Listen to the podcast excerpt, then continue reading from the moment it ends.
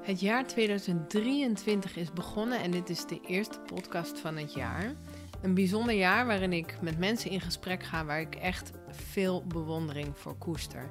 Mensen die zo lang in hun vakgebied bezig zijn dat het eh, in mijn ogen topdeskundigen zijn, waar we dus lekker veel van kunnen leren. Mensen die hun kennis delen in boeken, op het podium en online. En ook in deze podcast dus. Je luistert vandaag naar de eerste uit de serie over het brein. En ik vind dat zo'n interessant onderwerp. Het brein. Hoe werkt het nou? Hoe kunnen we nou optimale leren? Hoe kunnen we beter zorgen voor onze mentale gezondheid?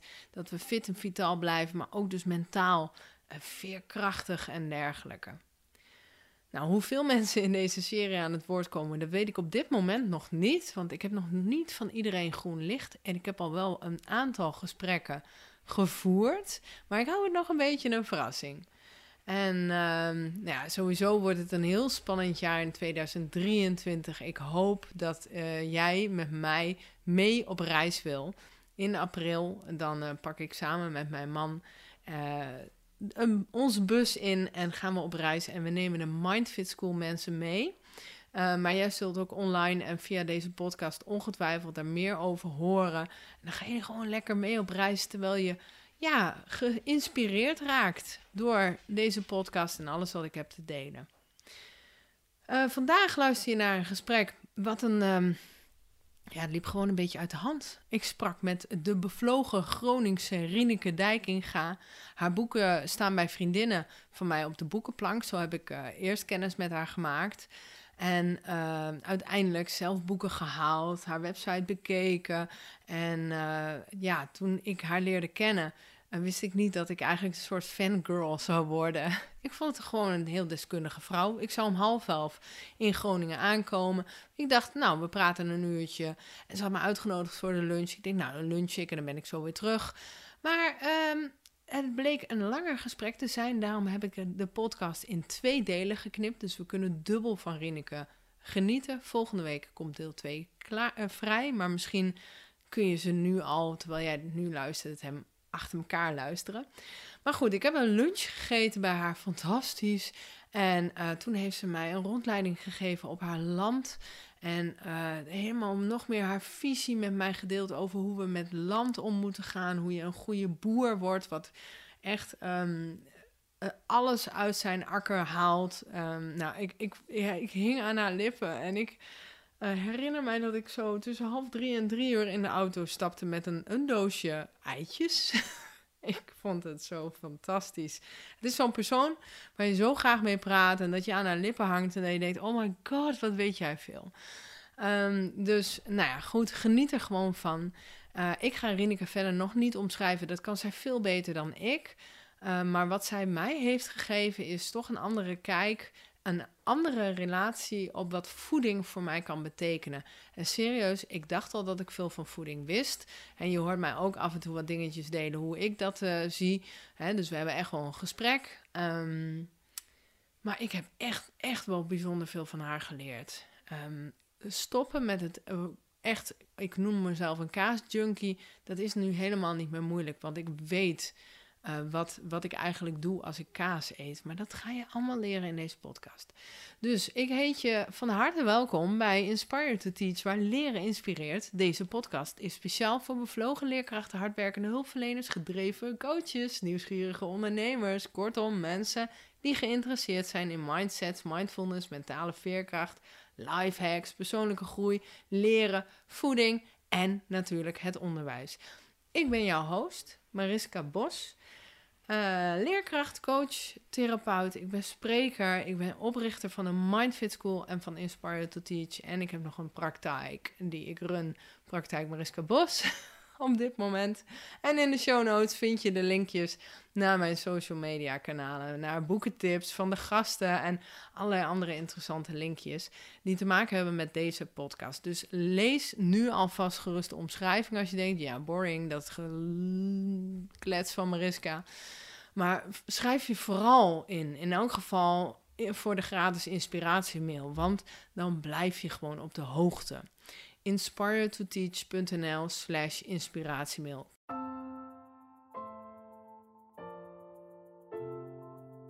Zeg, ehm, welke leerkracht vergeet jij nooit meer en waarom? Nou, dat is wel heel grappig dat je dat vraagt. Want ik, ik had vorige week had ik met mijn moeder een gesprek. En toen zei ik, waar is meester Timmer eigenlijk gebleven? Oh, Ja, ik zeg, die zou ik zo graag gewoon nog eens een keer weer eh, wi- willen zien, willen Ja. ontmoeten. Eh, weet je waar die woont? Nee, dat, dat weet ik niet. Dus ik ben zelfs ook op internet wel wezen zoeken naar meester Timmer. echt? Ja. Oh, wauw. Die man heeft gewoon zo verschrikkelijk veel eh, ja, gedaan voor hoe ik nu in het leven Ik zie hartjes in jouw ogen. Ja, Wat, wat was het waardoor hij jou, ja, ik zie helemaal jou stralen. Wat, wat is Nee, ja, weet je, ik, de, de, de- nou daarom had ik het daar ook met mijn moeder over. Dat, dat ik zei van, weet je, dat, hij zag iedereen in de klas, zag die gewoon... Hij zag volgens mij niet de hele klas, maar hij zag allemaal individuutjes. Met Exact. allemaal hun eigen ehm, behoeftes. Ja. En wij hadden een jongetje in de klas. En ik, ik weet gewoon, nou, weet gewoon vrij zeker dat als die, dat jongetje nu in de klas had gezeten, dan had hij een stempel ADD, ADHD, PPD-NOS. Nou, al dat soort eh, stempeltjes had hij waarschijnlijk gekregen. Mhm. En nou ja, er was een hele bijzondere jongen ook. Die kon ook in één keer zomaar vanuit het niets kon die exploderen. En Oh, dan werd ja. hij kwaad. En Ja. dan ontregelde die eigenlijk de hele klas. En dan ging meester Timmer soms gewoon even met hem stoeien. Gewoon even over, Oh, de, over Wat de goed. van de klas ging die rollenbollen. nou, en dan was die jongen, die was weer rustig. Wauw. En, en weet je, nou, ik, ik was ook echt wel een klein beetje een bui- buitenbeentje in die klas. Ja. En ja, nou ja, dat voelde hij kennelijk ook heel, heel duidelijk aan.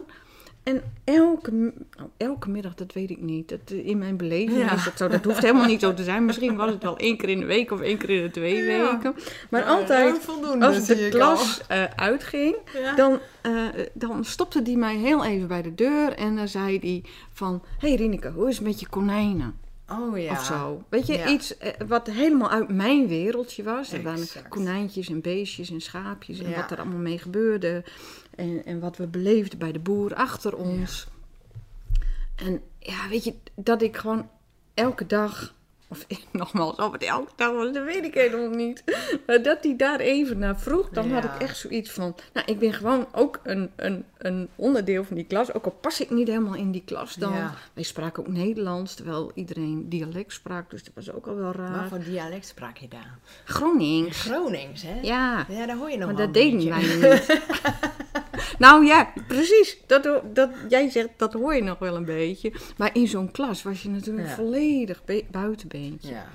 En nou ja, dat, die, die, hij heeft daarmee zoveel indruk op mij gemaakt. Mm. En, en, Hij zag je echt, hè? ja, En hij nam tijd voor je. Ja. Hij, hij heeft de verhalen, jouw belevingswereld, Ja. dat, dat hield hij vast en dan ging hij weer naar vragen. precies. Ja. En, en Ja. dat heeft ook, nou ja, dat heb ik met mijn werk nu ook altijd nog wel. Ik vind metaforen bijvoorbeeld ook heel erg leuk. Mhm. Maar dat je iets zoekt wat aansluit bij Ja. De belevingswereld van, van die ander. En ja, Mooi. ja, Leuk. dus dat was meester Timmer. Echt Ja. een held. Ik zie het. Het is echt heerlijk om naar te luisteren. Nou, als meester Timmer luistert. Ja, als nou iemand ja. meester Timmer... Op welke school werkte die?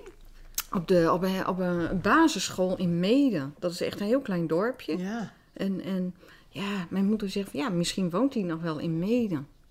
Nou, dat zou kunnen, maar ik, ik kan hem tot Ja, heden nog niet vinden. joh. Dat Ja. is fantastisch als een oud leerling nog. Ik heb dat op Instagram gehad, eh, een paar maanden geleden. Dat een oud leerling van mij, van nou, bijna tien jaar geleden, een berichtje deed. En dat hij nog regelmatig aan mij dacht. Ik dacht echt, serieus? Ja.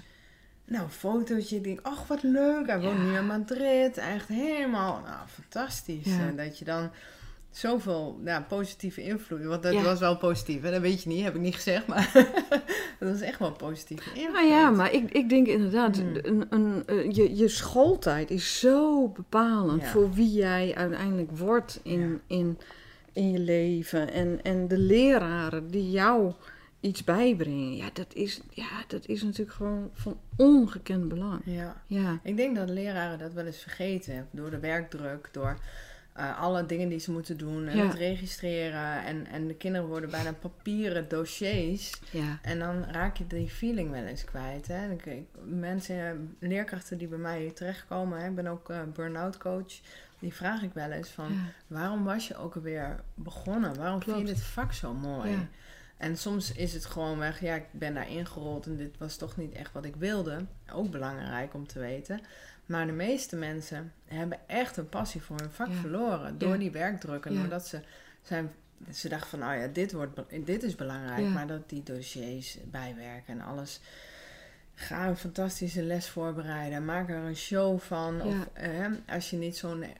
Dat is mijn stijl dan, Ja. hè. Maar als je Ja. wat introverter bent... Geef dan vooral liefde, tijd en aandacht aan die kinderen. Want dat is waar je heel blij van Klopt. werd. En, en eh, dat je het individu blijft zien. En, Ja. en weet je, daar ben ik ook zo van overtuigd. Dat, dat, dat jij op kilometers afstand zelfs wel de intentie van iemand. Dat, dat, daar hoef je echt niet eh, zo dicht bij elkaar te zitten. Maar Nee. kinderen zijn daar natuurlijk ook nog gevoeliger Ja. eh, voor, voor echte, Ja. echte aandacht, echte interesse, echte passie. En ja, dat, dat is gewoon jammer dat wij gewoon inderdaad zo, alles zo, ja, nou nee, niet automatiseren, maar dat, dat alles gewoon zo op papier moet kloppen. Dat, Ja. dat Ja, de mens erachter gewoon eh, bijna Ja. verdwijnt. Ja, dat merk ik ook als therapeut. Ik, was een, ik ben een geregistreerde therapeut, maar dan moet ik me aan allerlei Oh. richtlijnen houden. En ik ben eruit gestapt. Ik ben nu een onafhankelijke geregistreerde therapeut. Want ik dacht, ik, ik wil dat gewoon Nee. niet meer. Nee, Ik wil niet dat allerlei zorgverzekeringen en allerlei instanties bepalen dat ik een bepaalde opleiding Nee. moet doen. Omdat zij dan denken dat ik een goede therapeut ben. Ik word er zo moe Ja. van.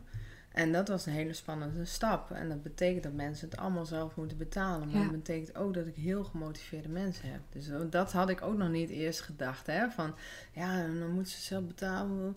Ook daarin heb ik mezelf iets wijs laten Grappig. maken. dat heb ik op de, in de laatste paar jaren van mijn praktijk ook gedaan. Ja? Dat ik dacht van ja joh, weet je, maar ehm, dit is echt, eh, nou ja, het wordt steeds gekker en dan moet Ja. je daaraan voldoen Ja. en dan moet je daaraan voldoen.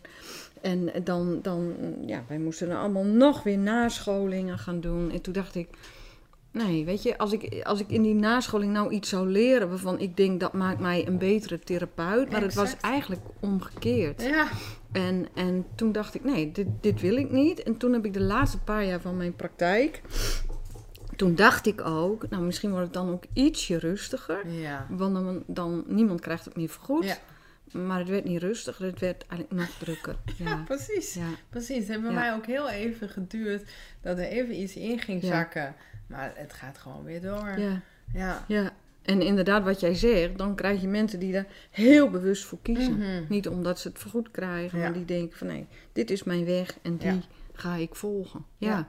Ja, mooi hè? ja. Nou, dan hebben we een mooi bruggetje gemaakt. Je zegt iets over een praktijk. Maar Ja. zou je eens willen voorstellen aan de luisteraar? Want ik ben hier niet voor niks in dit prachtige plekje in Groningen gekomen. Midden in de natuur. en de- Ja, mooi hè. Oh, We zullen straks ook nog even een kijkje op ons land nemen. ja, daar hoopte ik stiekem al op. Ja, even een eh, middagwandelingetje. Oh, heerlijk. Ja. Maar eh, ja, vertel Rieneke, wie ben je? Wat doe je?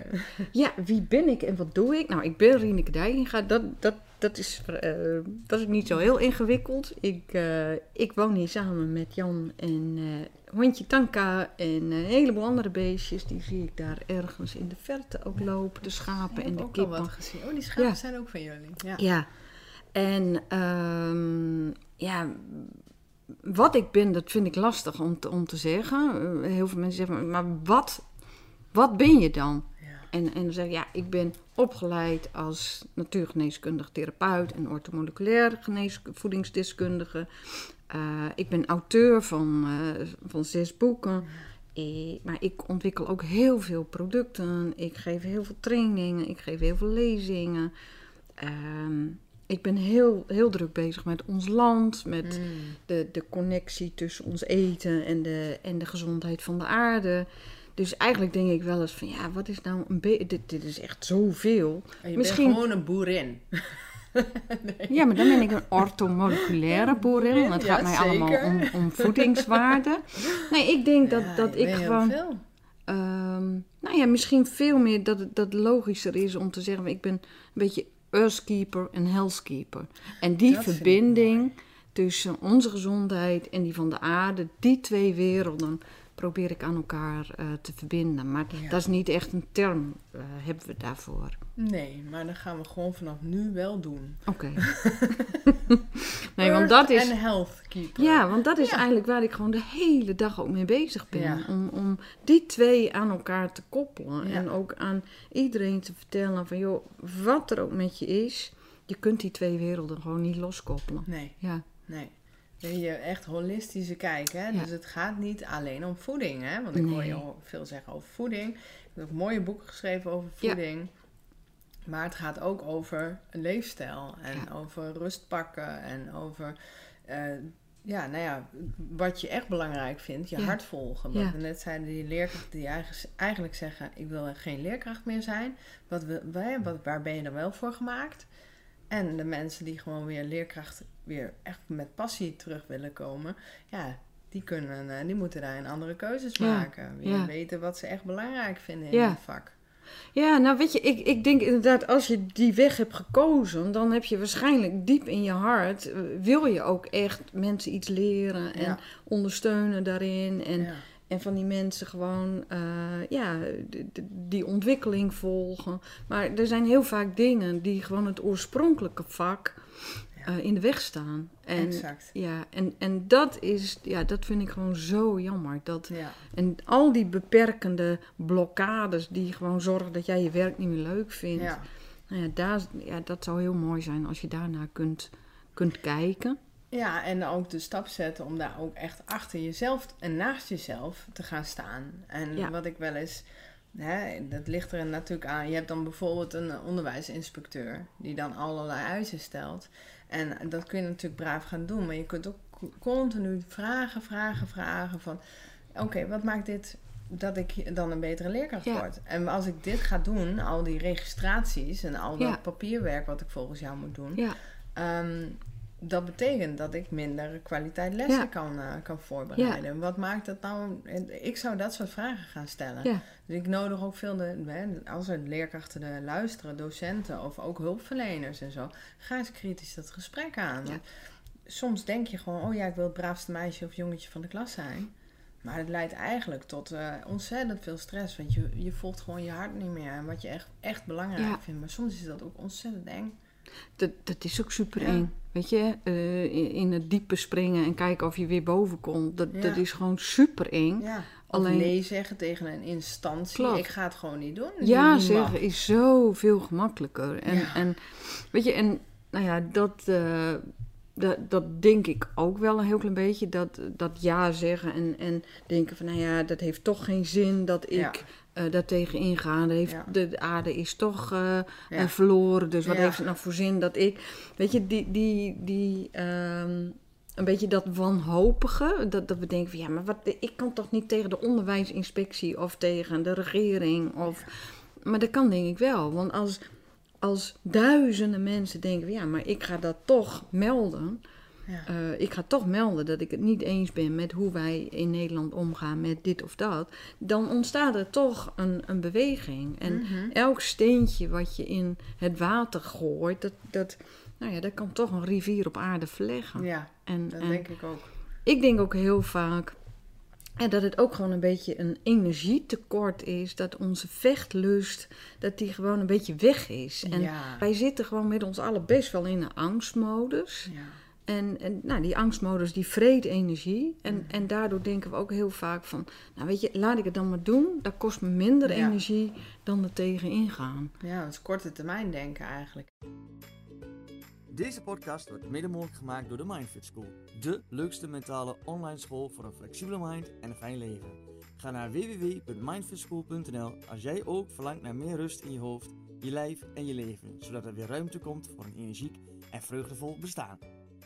Ja, ik denk dat wij gewoon eh, in, in heel veel opzichten, wat dat betreft, eh, eh, beter voor onszelf zouden moeten zorgen. Ja. En, en gewoon meer vechtlust voor onszelf ook eh, Ja. ja. tentoon zouden moeten spreiden. Hoe eng dat ook is. Want weet je, je hoofd boven het maaiveld uitsteken, dat blijft gewoon eng. Ja. precies. Ja. En soms hoef je het ook niet van de daken te schreeuwen, maar mag je het ook gewoon doen. Hè? Dat je dan eh, zegt van oké, ik ga eens kijken. Zeg je dan tegen de ander, zeg je geen nee, je zegt geen ja. En je gaat het op jouw manier doen. En dan bewijs je misschien wel dat jouw manier helemaal prima is. En dat er geen slachtoffers vallen of lage CITO-toetsen. Of eh, dat, dat mensen niet meer terugkomen of wat dan ook. En dan komt het misschien wel goed. Nou ja, dat, dat, dat is wat, wat eh, nou, ik weet niet meer wie het zei, Boeddha of de Dalai Lama. Maar door het anders te doen, door een ander voorbeeld te geven. Je hoeft niet allemaal de barricades op Nee. of met eh, spandoeken, eh, weet ik veel wat te doen. Maar je kan ook gewoon zeggen van, joh, ik ga het dus op een andere manier proberen. En, en kijken hoe dat uitpakt. Ja. Maar daar is, weet je, nou ja, daar kom je toch wel heel erg op mijn vak. Eh, Daar is per definitie ook energie voor Ja. nodig. Precies. En ik, ja, ik denk dat wij met ons allen gewoon, ja, door, ook door chronische stress, ja, dat energieniveau best wel verlaagd hebben. Waardoor we ook heel vaak denken van, nou, weet je, laat maar. Ik, ik doe het wel gewoon, dat kost me minder energie dan Mhm. erover nadenken hoe het anders moet. Ja. Of, ik heb ehm, geen zin in gezeik. Ja, ja, Ja, ja. doe maar toch maar ach, doe maar lekker dat, dat hè, als we het hebben over voeding, doe maar dat toch maar, maakt het uit. Ik begin morgen wel opnieuw en eh, Precies. En dan gaan we ook zeggen, ja joh, maar weet je, iedereen eet zo. Dus Oh ja. wa- waarom zou het eh, erg of- zijn? Dit Of, vind ik eh, ook een mooie. Ik hoef niet zo oud te worden. Hè, ik, laat mij maar, ik hoef niet zo oud te worden. Mensen denken dan daarin dat ze in één keer dood neervallen of zo. Maar als je slecht eet, bijvoorbeeld, ja, ik weet niet wat slecht, eh, of dat een goed woord is, maar niet wat, eh, wat ervoor zorgt dat je energiek gezond blijft. Ik denk dat je vroeg ziek wordt en dat dat ziekteproces heel lang blijft sudderen. En dan pas een keertje langzaamaan eh dood neervalt, bij wijze van spreken. Nou, maar, maar, maar dat, ja, wat je, dat, dat, dat klopt helemaal wat jij zegt. En, en eh, er was de- deze week kwam er ook een vrij groot onderzoek naar buiten dat gezond eten je eh, minimaal 10 eh, extra hele gezonde jaren oplevert. Ja. Gezonde jaren, precies. hè, hebben we het over. Niet, niet tien, Nee, tien jaar langer leven, maar gezonde jaren. klopt. We- weet je, het lijkt een beetje alsof wij in een situatie zijn beland waarin het is van, nou voeg maar jaren aan je leven toe. Terwijl het natuurlijk eigenlijk gaat om leven aan je jaren toe Ja. te voegen. Vorig jaar was er ook zo'n onderzoek dat anderhalf miljoen kinderen eigenlijk al chronische ziektes heeft. En dan kun je zeggen, nou ja, maar In onze, Nederland. ja, Ja. onze levensverwachting eh, neemt toe. Maar ja, weet je, dat, dat zijn dan dus kinderen, eh, als ze een chronische ziekte hebben, die gewoon vanaf kinderleeftijd tot aan hun dood m- minstens met die ene chronische ziekte ja. te kampen hebben. En, en dat is natuurlijk de tendens, dat wij gewoon op steeds jongere leeftijd chronische ziektes krijgen. Ja. En ja, 10 miljoen Nederlanders met één of meer chronische ziekte, dat is wel veel. Ja. En, en ja, dat betekent dat we gewoon een heel groot de- deel van ons leven niet fit en vitaal en, en eh, zonder ziektes zijn. Ja. Ja, dat is, en dat, want één chronische ziekte, je zegt het al wel nadrukkelijk, kan weer leiden tot meerdere problemen. Hè? Ja. En, en een chronische ziekte vreet natuurlijk altijd aan jouw energieniveau. Ja. Ja. ja, het heeft allemaal met elkaar te maken. Alles heeft met alles te maken.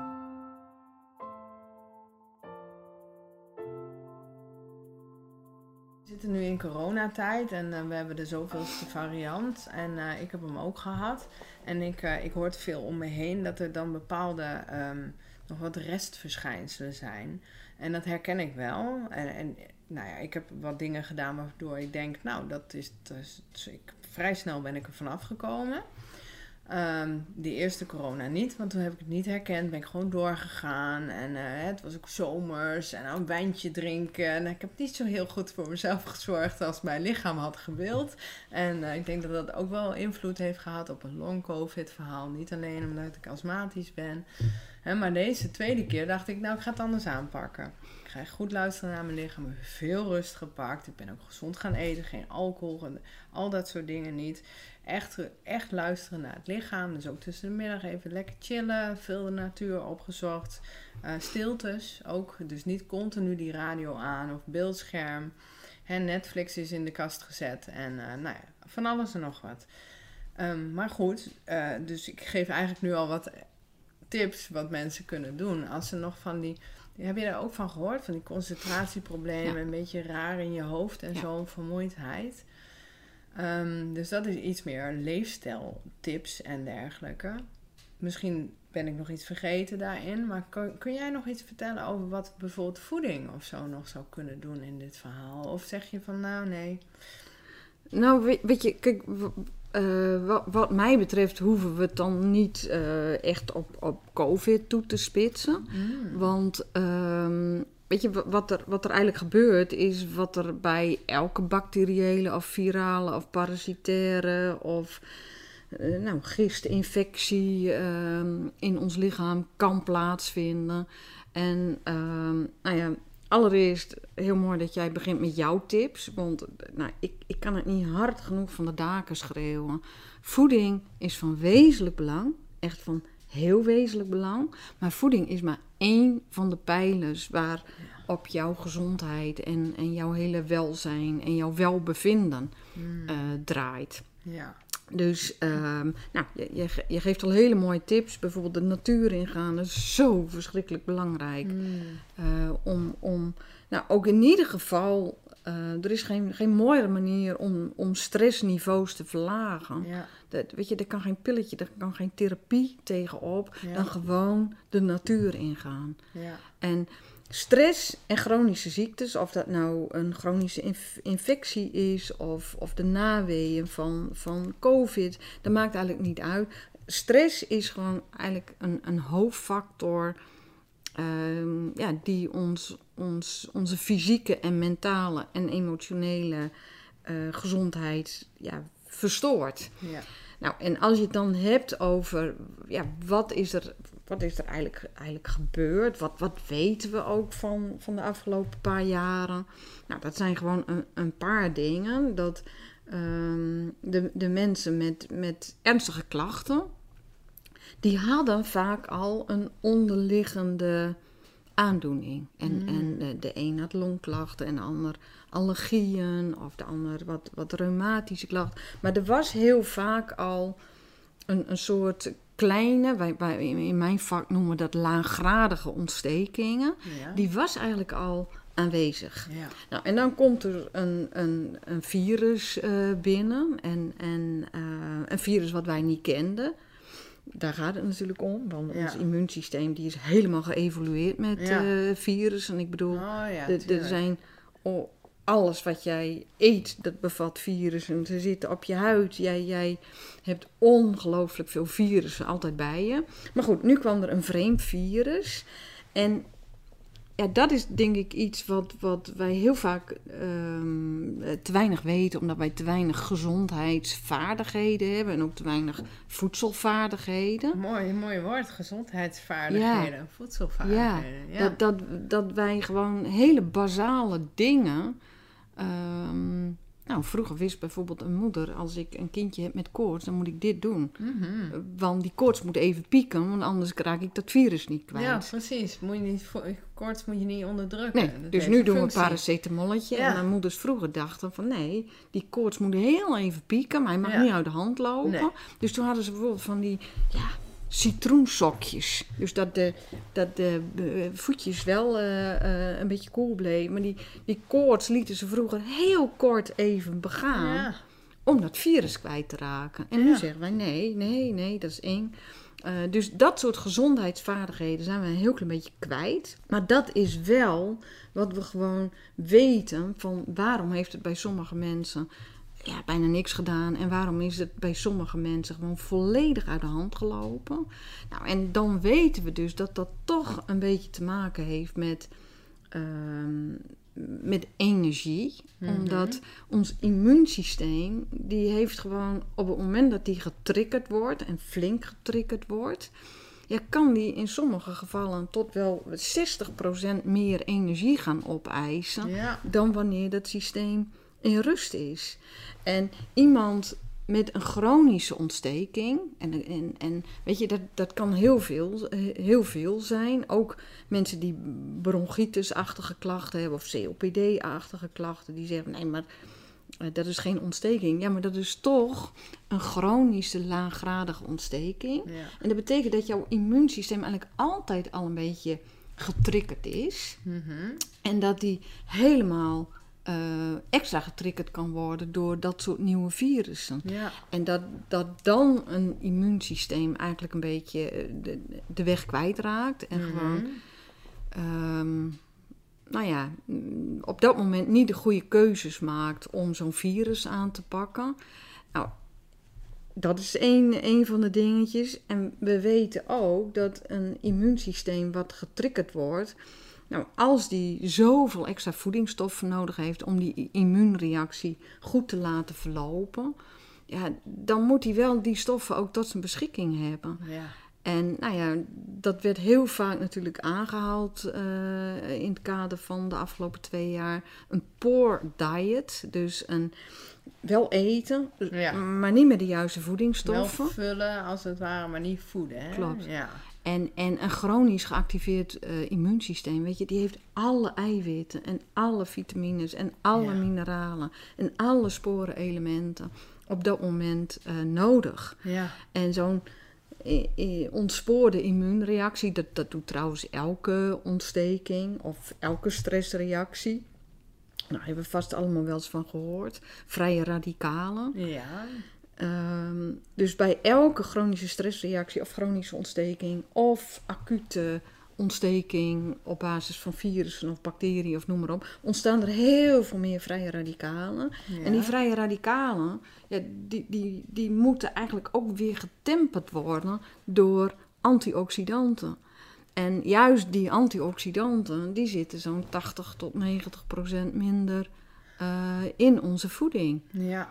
Maar wij weten al duizenden jaren dat dat immuunsysteem in die darm zit. Dat Ja. daar eigenlijk 80% van, de, van onze immuuncapaciteit zit. Mhm. En nou ja, dat datzelfde eten wat ons gewoon heel weinig voedingsstoffen levert, dat dat eigenlijk ook ons immuunsysteem in de darm vooral, ja, eigenlijk een beetje plat legt. Ja. En, en die factoren bij elkaar, ja, dat maakt het gewoon dat, dat sommige mensen heel erg lastig ehm, daar ook weer bovenop kunnen, kunnen komen. Ja. Want stel je had al niet de optimale energie toen jij dat virus kreeg, Mhm. nou, dan verbruik je dus heel veel tijdens die immuunreactie. Ja. En daarna moet je ook nog weer herstellen. Precies. En voor dat herstel heb je ook weer heel veel voedingsstoffen nodig. Ja. En, En ja, een rust. en rust Dus en een gezonde doorgaan. leefstijl. En Ja. lekker zuurstof. Ja. En lekker zonlicht om de batterij weer op te laden. En ook dat herstel, dat kost heel veel energie. Hmm. Nou, en als je nou weet dat jouw brein, ehm, ja, dat, weet je, ons hoofd is natuurlijk niet zo heel groot ten opzichte van ons lichaam. Maar hij verbruikt wel ongeveer een kwart van alle energie eh, die er in jouw lichaam Veel, hè? dat is zoveel. En dat kan Ja. onder invloed van stress kan dat nog wel meer eh, worden. En dan is het misschien ook helemaal niet zo raar dat een uit de hand gelopen immuunreactie. Dat mensen zeggen: van, ja, ik ben niet meer echt ziek. Maar hierboven. Ja. Dat is ook niet zo gek. Want 25 tot 30 procent van die energie. Die heb je hier nodig. Ja. En als die er niet is, dan is dit ook een van de eerste organen waar je merkt dat het niet lekker zit met jouw energievoorziening. Ja, precies. Ja, want dat, dat merk je ook eh, als je het hebt met mensen die... eh, als je praat met mensen met een burn-out of stressgerelateerde klachten... dan is het ook inderdaad dat ze wat chaotisch worden, dingen vergeten... Ja. Eh, emotioneel, eh, kort lontje, al die dingen. Dat, dat, Ja. dat, dat- ja, dat zijn allemaal signalen dat, dat er iets met dat brein aan de hand is. Ja. In elk geval dat brein een signaal geeft van... hallo, dat mag wel even een tandje minder. Ja.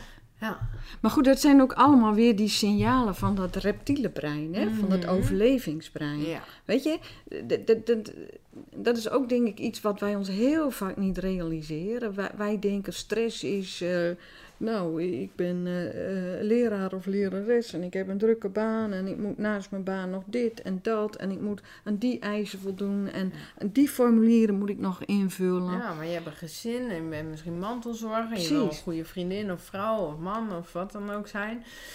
Ja, En dat klopt ook. Precies, en dat is ook allemaal stress. Ja. Maar stress is voor de, de kapitein in ons brein, de, de, de, onze, regel, eh, onze regelaar, onze directeur van gewoon alles wat er gebeurt. Ja. Stress is voor ons brein alles wat niet tot een normale gang van zaken behoort. Dus Hmm. dat gaat veel breder dan de voorbeelden die wij net Ja. noemen. Ja. Een chronische ontsteking die niet weer ophoudt te bestaan, dat is stress. Ja. Eh, stress omdat wij eigenlijk heel veel voedingsstoffen eh, nodig zouden zijn om Ja. iets brandmeester te worden, die er niet zijn. Dat is voor ons lichaam stress. Bloedsuikerspiegels die de hele dag met ons aan het jojoen zijn. Dus stress is voor ons, ons brein veel breder Ja. dan wat wij normaliter onder stress Ja, want verstaan. het idee van stress is, is dat je eigenlijk zo zegt... Oh, ik heb- ben zo bang en ik ben zo druk en ik heb helemaal geen controle meer. Dat is het idee van stress. Maar eigenlijk is stress ook, ook het, inderdaad, het, eh, het, het eten wat niet gezond is of zo. Of de, te weinig bewegen. En eigenlijk dingen die niet bij normale, nou ja, normaal, wat is normaal? Het gezonde leefstijl verhaaltje horen, dat noem je eigenlijk ook al stress, Ja. zeg maar. Ja. Ja. En, en jij zegt niet normaal, wat is niet normaal? Ja. Maar toch denkt onze dirigent, die heet trouwens de, onze hypothalamus, die filtert gewoon 24 uur per dag van gaat het allemaal een beetje oké ja. en moet ik actie ondernemen? Maar wat die normaal vindt, dat is eigenlijk ons antieke, authentieke leven. En dat Ja. betekent gewoon veel bewegen, niet te veel zitten, Ja. eh, op tijd rust, eh, slapen als het donker is, Ja. opstaan als het weer licht een wordt. dutje tussendoor misschien. Een dutje tussen de middag. Als jij heel hard je best hebt gedaan om eten te verzamelen, dan mag je daarna even, even lekker siesta houden. Er hoort Dus- geen Netflix bij dus. eh een eh, spannende film. Nou nee, weet je waar die dirigent, en dat klinkt heel saai, maar die houdt van rust en Ja. reinheid en regelmaat. Want Want, die is gewoon antiek. Die, Ja. die denkt antiek, Ja. ook omdat ons, onze hele fysiologie, die is eigenlijk zo antiek als die van de oermens. En Mhm. die hele fysiologie, die stelt dezelfde eisen ja. eh, aan voeding en leefstijl als die oermens. Dus ja, er zijn inderdaad heel veel dingen. Ehm, ja, chronische stress, daar houdt hij absoluut niet Nee. van. Omdat die hypothalamus denkt van oké, eh, stress, dat betekent dat ik eerst moet gaan zien te overleven. En dat ik alles wat niet met overleven te maken heeft, heel eventjes parkeer. Ja. En dat haal ik dan wel weer tevoorschijn als wij de brandmeester zijn. Nou, Mhm. en daar zit gewoon een heel groot deel van, van de clue. Want dat seintje brandmeester, dat komt bij heel veel mensen gewoon niet. En, en dat betekent dat wij heel veel systemen... Nou, denk bijvoorbeeld aan een schildklier. Mhm. Hoe ongelooflijk vervelend jij je kan voelen door schildklierklachten. Ja. Uh, maar dat alles wat gewoon niet met overleven te maken heeft, dat wordt heel even geparkeerd. En op korte termijn is het natuurlijk de super slimste actie van zo'n dirigent die je maar kunt wensen. Ja. Maar als dat langer duurt en onze schildklier blijft langer op non-actief staan, of onze dirigent die zegt van joh, we gaan nu even niet investeren in feel-good stoffen. Hm? Eh, laten we dat maar weer gaan doen als wij niet meer zoveel adrenaline en cortisol aan hoeven maken. We gaan ook niet investeren in die hele spijsvertering, want die, die vreet toch wel heel veel energie eh, op. Dus laat die spijsvertering, maag, je krijgt een heel klein beetje rust. Ja. Je hoeft niet meer zo hard te werken om maagzuur aan te maken. Ja. Dat pakken we allemaal weer op als jij eh, weer uit de stress bent. Die darmperistaltiek.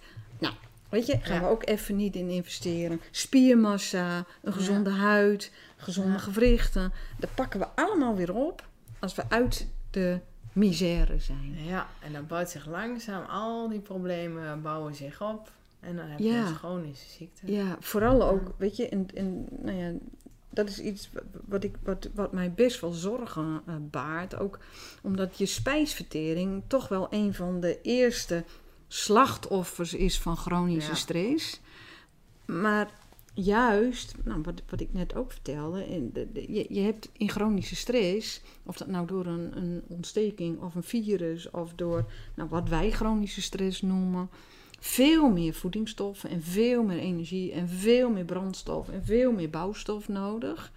Maar als die spijsvertering op een laag pitje wordt gezet, is het resultaat dat je veel minder afvalstoffen tot je beschikking krijgt.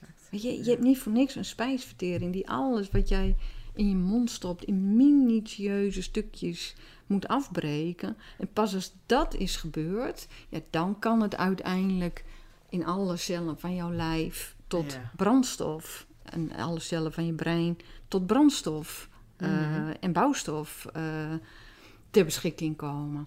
En nou, ook bijvoorbeeld, en dat zag je ook weer met, met, de, met de laatste twee jaar. Je krijgt bijvoorbeeld om de paar dagen, dat is echt, ja, het is te geniaal eh, voor woorden. krijg jij eigenlijk een heel nieuw darmslijmvlies. En dat darmslijmvlies, die, die zorgt dat jij al die stukjes, die, die, die voeding die in stukjes is gebroken, minutieus eh, opneemt. Ja. En dat alle afvalstoffen en niet goed afgebroken stoffen en toxische stofjes en eventuele virussen die toch nog via jouw sla binnengekomen zijn, dat die hup richting wc-pot gaan. Ja. En dat er niks zomaar eh, die bloedbaan in mag waar jouw immuunsysteem op kan overreageren. Ja. Nou ja, maar ook dat soort ehm, prachtige operaties om ons gezond te houden. Dus om de paar dagen zo'n nieuw darmslijmvlies opbouwen. Ja, weet je, dan zegt onze dirigent van, ja, dat gaat nu even niet lukken. En ook dat pakken wij straks allemaal weer op Ja. als jij eh, weer uit de stress bent. ja. Net als een hele diepe slaap. Dat je gewoon echt ja, een ononderbroken eh, slaap hebt van zo'n Ja. 7 tot 8 uur. Waarin je alles reviseert en herstelt en het immuunsysteem weer paraat maakt. En het Hmm. hele hormoonsysteem weer reset, zodat je 's morgens weer fris en fruitig opstaat. Ja. Al dat soort dingen, ja, die gebeuren even veel minder onder invloed van chronische stress. Ja.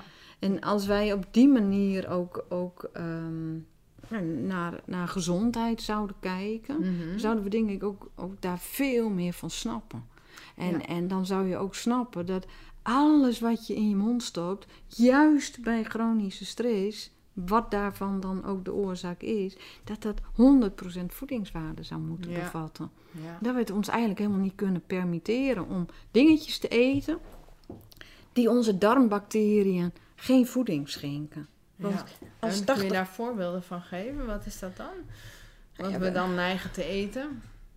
Is dat pizza en eh Nou ja, weet je, ik- ik- en, eh, Weet je, dat Suikers. heeft natuurlijk ook al te maken met wa- wat, we- wat we net even zeiden. Als dat oerbrein, dat reptiele brein, die Ja. denkt van... Ik, ik denk alleen maar op korte termijn en daarna zien we wel weer verder. mhm. Ehm, dat, dat is gewoon, die is niet met morgen bezig. En die is ook niet met gezond oud worden bezig. En dat betekent inderdaad dat heel veel, ik zeg heel vaak, des te, des te groter de stress, des te leger onze, onze voeding. Dus des te voller de agenda, des te leger het eruit ziet op je bord. En dan bedoel ik niet qua hoeveelheid, maar qua voedingswaarde. En wij zijn natuurlijk onder invloed van stress heel erg geneigd om korte termijn beslissingen te nemen. En denken van, nou ja, dan maar die diepvriespizza. En, ja. ehm, ja, ik heb nu even weinig tijd. Precies. En eh, ik wil zin in, zullen we even naar een snackbar gaan of Klopt. zo. Ja. maar wat, wat een beetje de moraal van, van dat verhaal is, is dat ehm, ja, alles wat jouw darmbacteriën niet ten goede komt, Mhm. ja, dat kan je gezondheid ook niet ten goede komen. En je immuunsysteem ook niet. Want Nee. 80% van dat immuunsysteem zit in die darm. ja. Deze podcast wordt mede mogelijk gemaakt door de Mindfit School, de leukste mentale online sportschool voor een flexibele mind en een fijn leven. Ga naar www.mindfitschool.nl als je verlangt naar meer rust in je hoofd, lijf en leven. Probeer een maand lang gratis de Mindfit School en kijk op mindfitschool.nl. Het zijn best eh, schokkende onderzoeken, vind ik, die de, de afgelopen jaren ook nou, gedaan zijn. Naar, Hmm. naar het effect van je darmbacteriën op je totale breinfunctie Ja, en je mentale. gezegd, en, met je tweede brein of zo, hè? ja, Dat het echt wel ontzettend eh, elkaar beïnvloedt. ja, nou daar heb ik net dat hele dikke boek ook over geschreven, Ja, over daar die connectie. over. Nou ja, jij zegt ook, ja, de, de darm is ons tweede brein. Mhm. Maar misschien zeggen we over een paar jaar wel van, joh, dit hierboven is ons tweede brein en die darm is ons eerste brein. Ah ja. En wat Maar eigenlijk, wil je, wat is de titel van het boek? je brein vitaal. Je brein vitaal. En dan-. Met elke hap een Ja. gezonde stap. Ah, En elke hap, ja, die zou eigenlijk een gezonde stap voor je darmen moeten zijn. ja. En juist al dat eten wat wij geneigd zijn om onder invloed van stress te eten. En dat is ook het, het chockerende, vind ik wel, van al die onderzoeken. Ik heb er net een heel groot artikel ook voor een vakblad over geschreven. Het gemiddelde westerse eetpatroon, Ja. eh, wat, wij, ja, wat wij toch allemaal een beetje zijn gaan eten. En waarvan iedereen ook zegt, nou, daar kan bijna niks mis mee zijn, want iedereen eet het. Maar dat gemiddelde westerse eetpatroon, daarvan weten we dat dat in overal waar dat patroon ge- geïmiteerd en ge- gekopieerd wordt, dat dat binnen 1 à anderhalf jaar een dusdanige mm, eh, disbalans in jouw darmen geeft Ja. dat jouw goede darmbacteriën, die ook jouw hele immuunsysteem en jouw feel-good stofjes en jouw immuniteit en nou, jouw eten goed in stukjes moeten knippen, dat die dan voor een groot deel eh, verdwijnen. Nou, als die goede verdwijnen, het is net zo'n stoelendans in je darm, dan komen daar slechte, potentieel slechte bacteriën, die, die nemen dan de overhand. Mhm. Want weet je, net als in de natuur, jij, jij wordt bevolkt door triljoenen foute virusjes en schimmeltjes en bacteriën. En daar is helemaal niks mis mee, zolang ze maar in toom worden gehouden door potentieel goedaardigen. Ja. Nou, en wat wij dus eigenlijk doen, is die potentieel eh, slechte bacteriën, eh, die geven wij eigenlijk te eten. Ja. Zodat die potentieel goede eh, een beetje het, het loodje leggen. En die potentieel slechte, ja, die maken dus allerlei ontstekingsbevorderende stofjes aan. Die zorgen ook eigenlijk dat die darmslijmvliezen, die onze die zo mooi zijn opgebouwd. Dat ze gewoon alleen maar voedingsstoffen doorlaten en nooit foute stoffen. Dat is eigenlijk wel de clue van die, van die gezonde darmslijmvliezen. Inclusief dat eh, ja, ons immuunsysteem daarvoor een heel groot deel in huist. Nou, en als dat systeem niet meer werkt, ja, da- dan zeggen wetenschappers, dan krijgen we eigenlijk systemische ontstekingen. Dan kunnen die stofjes vanuit die darm, die mogen de bloed, bloedbaan in, die kunnen het lymfesysteem in. Die creëren bijvoorbeeld in jouw longen eh, opnieuw kleine ontstekingjes. Maken ze ook de slijmvliezen van bijvoorbeeld longen eh, kapot. Nou, en dan zijn de rapen gaar. Ja. Want dan kunnen ook virussen gewoon, virussen of bacteriën of schimmels of wat voor micro-organismen ook, die kunnen gewoon dan ja, eigenlijk jouw immuunsysteem eh, omzeilen. Want normaliter ja, zorgen die slijmvliezen dat er gewoon geen foute stoffen ook Ja. in kunnen nestelen. Nou, en dat is in een notendop een beetje ehm, ja, wat, we, wat we hebben ontdekt over die darmbacteriën op het gebied van, van immuniteit. Maar die goede darmbacteriën, daar, daar weten we ook ongelooflijk veel van. Hmm. En alles wat wij eigenlijk graag in het leven zouden zien, volop leuke stofjes, feel good stofjes, lekker slapen, lekker spijs verteren, een gezonde bloeddruk. Ja, ook op 100-jarige leeftijd, dat je brein nog functioneert. Ja. Dat wordt allemaal door die, eh, dat- allemaal. Maar en die goede darmbacteriën hebben daar zo'n grote vinger in de pap. Dat Ja. is bijna te eng. Dus ik zou het helemaal niet gek vinden dat wij gewoon over een paar jaar denken van... Net als vroeger, toen de oude geneesheren zeiden... Ziekte zetelt in de darm. En dat wij over een paar jaar, of je nou ADHD hebt of een depressie... Of je hebt hart- en vaatziektes. Het maakt helemaal niet meer uit wat je dan hebt. Dat ze eerst kijken van wat is er in- in die darm aan de hand Ja. dat die ontsteking chronisch heeft kunnen worden in het lichaam of in het brein. Jeetje, ja, Ja. dan draait het echt helemaal om. Ja. Dan ga je niet naar dat ene orgaan of het Nee. gedrag kijken, maar echt naar de basis Klopt. is dus de, de darm. Ja, en dat is best ook spectaculair. Ook als, als je ziet van nou, wat voor onderzoeken er dan al zijn. Die zijn wel nog voor een heel groot deel op dieren gedaan. Mhm. Maar dat bijvoorbeeld hele angstige muizen, die geef je een, een eh, bepaalde bacteriestam. Ja. Die, die kun je ook heel vaak gewoon eten. En dat dan die muizen gewoon dat angstige gedrag weer kwijtraken. En, en eh, of dat ze eh, cognitiever worden, of Hmm. socialer. Of, Oh. en ja, ja, ik vind het echt heel indrukwekkend. En dat geeft eigenlijk, ik heb met ehm, eh, Paul Smit gesproken over non-dualiteit. Hè? Dus dat, hij zegt ook gewoon, ons brein bepaalt een heleboel. En in dit geval de darmen en de bacteriën Ja. in de darmen Ja. bepalen dus eigenlijk heel veel. Ja, jij vroeg mij Mm. nog, weet je nog een leuk iemand voor mijn eh, podcast? Ja. Nou, Pierre Capel heeft daar bijvoorbeeld Ja. ook heel veel over geschreven. Dat misschien is wat wij gewoon denken en voelen en, en wat wij allemaal, ehm, ja, alle, alle, alle emotionele dingen, misschien worden die wel voor een heel groot deel ook bepaald door wat er in onze darmen gebeurt. Mm. En ehm, ik, ik denk dat dat een hele interessante manier is om naar eigenlijk alle ziektebeelden die ons, ons treffen eh, te kijken. En het leukste van dat onder... Ja, dat, dat vind ik echt, nog- dat vind ik echt nog leuker. Je gaat echt kwispelen. Ja, nee, maar weet je, maar, maar dan denk ik, als we dat toch zouden weten, Ja, dat, eh, dat je ook vrij snel die darmflora en dat hele, nou wij, de darmflora, dat mag je niet meer zeggen, dat heet Oh. darmmicrobiome. Oh ja, dat is wel Ehm, het mooie. Ja, dat is veel mooier. en hoe ehm, snel je dat eigenlijk kunt, eh, ja, dat klinkt zo onaardig, kunt verzieken met voeding. Ja. Maar ook hoe snel je dat weer kunt repareren. ja. En dat, zijn, dat is echt geen dingen dat je En daar denkt, oh, dan moet ik maar dingen in jouw boek hoe je dat kunt doen. Ja, weet je, als je bij elke hap jouw darmbacteriën eh, te vriend houdt, Ja.